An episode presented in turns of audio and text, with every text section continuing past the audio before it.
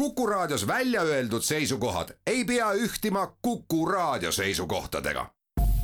Te kuulate Kuku Raadiot.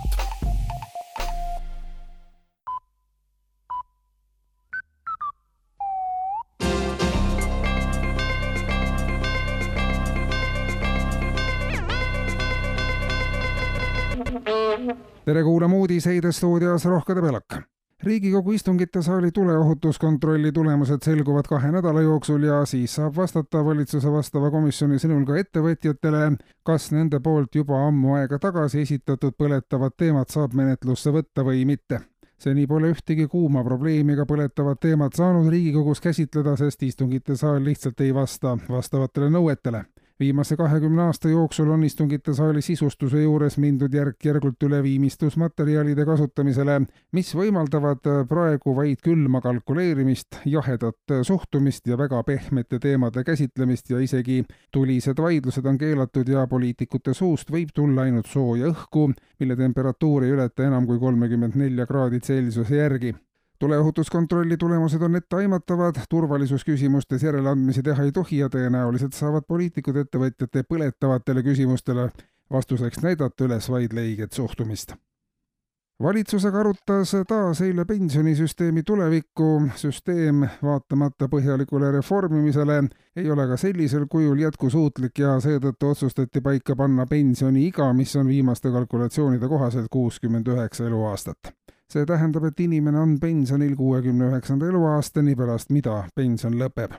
kui see aeg täpselt kindlaks määrata ja piirata, mille kestel inimene pensionil on, siis võib juhtuda, et kaks või kolm aastat on võimalik inimesele maksta päris korralikku pensioni. pärast pensioni lõppemist saab inimene tööturule tagasi tulla, praegu on tööiga ajaliselt piiratud, pensionil aga võib inimene olla kas või sada aastat ja see seabki riigi suure surve alla kui inimesel on teada, et ta saab pensionil olla teatud kindla perioodi, siis selle lõpu lähenedes saab ta otsustada, kas minna tööle tagasi või liikuda hoopis suurem samm edasi. Eesti eraisikute ja ettevõtete maksekäitumine on aasta jooksul oluliselt paranenud, näitavad vastavad uuringud. kui varem saadeti lihtsalt pikalt ja ei makstud, siis nüüd käitutakse oluliselt paremini ja vastatakse, et tänan, ma ei soovi hetkel oma võlgu ära maksta, tervisi perele ja õnne isiklikus elus. käitutakse viisakalt ja intelligentselt. on ka galantset maksekäitumist ja glamuurset mittemaksmist. hea maksekäitumisega võlgnikke on juba enam kui üheksakümmend protsenti võlgnike koguarvust ja vaid napilt kümme protsenti on selliseid, kelle maksekäitumine ei kannata mingisugust kriitikat, maksavad ära ja on uhked ka veel selle üle ja sisuliselt samal teemal valitsuse kabineti nõupidamisel tõdeti eile, et järjest kasvab Eestis võlgadesse sattunud inimeste arv.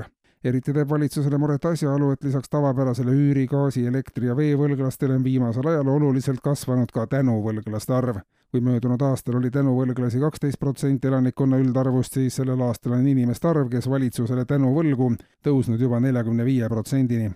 Keskmiselt on iga Eesti Vabariigi elanik valitsusele võlgu neli kuni sada seitseteist tänu, nende hulgas ollakse võlgu sada kaksteist tuhat siirast tänu kui tänuvõlglaste arv peaks veelgi kasvama, on valitsus sunnitud käibe tänu vähesuse tõttu kehtestama ka tänumaksu ja ka spordist. eile püstitati Antwerpenis kaks sisemaailma rekordit. kohalik sportlane Jens Debosjan viskas kõigepealt kolm korda kakssada meetrit ketast ja siis veel enam kui nelikümmend kilomeetrit oda.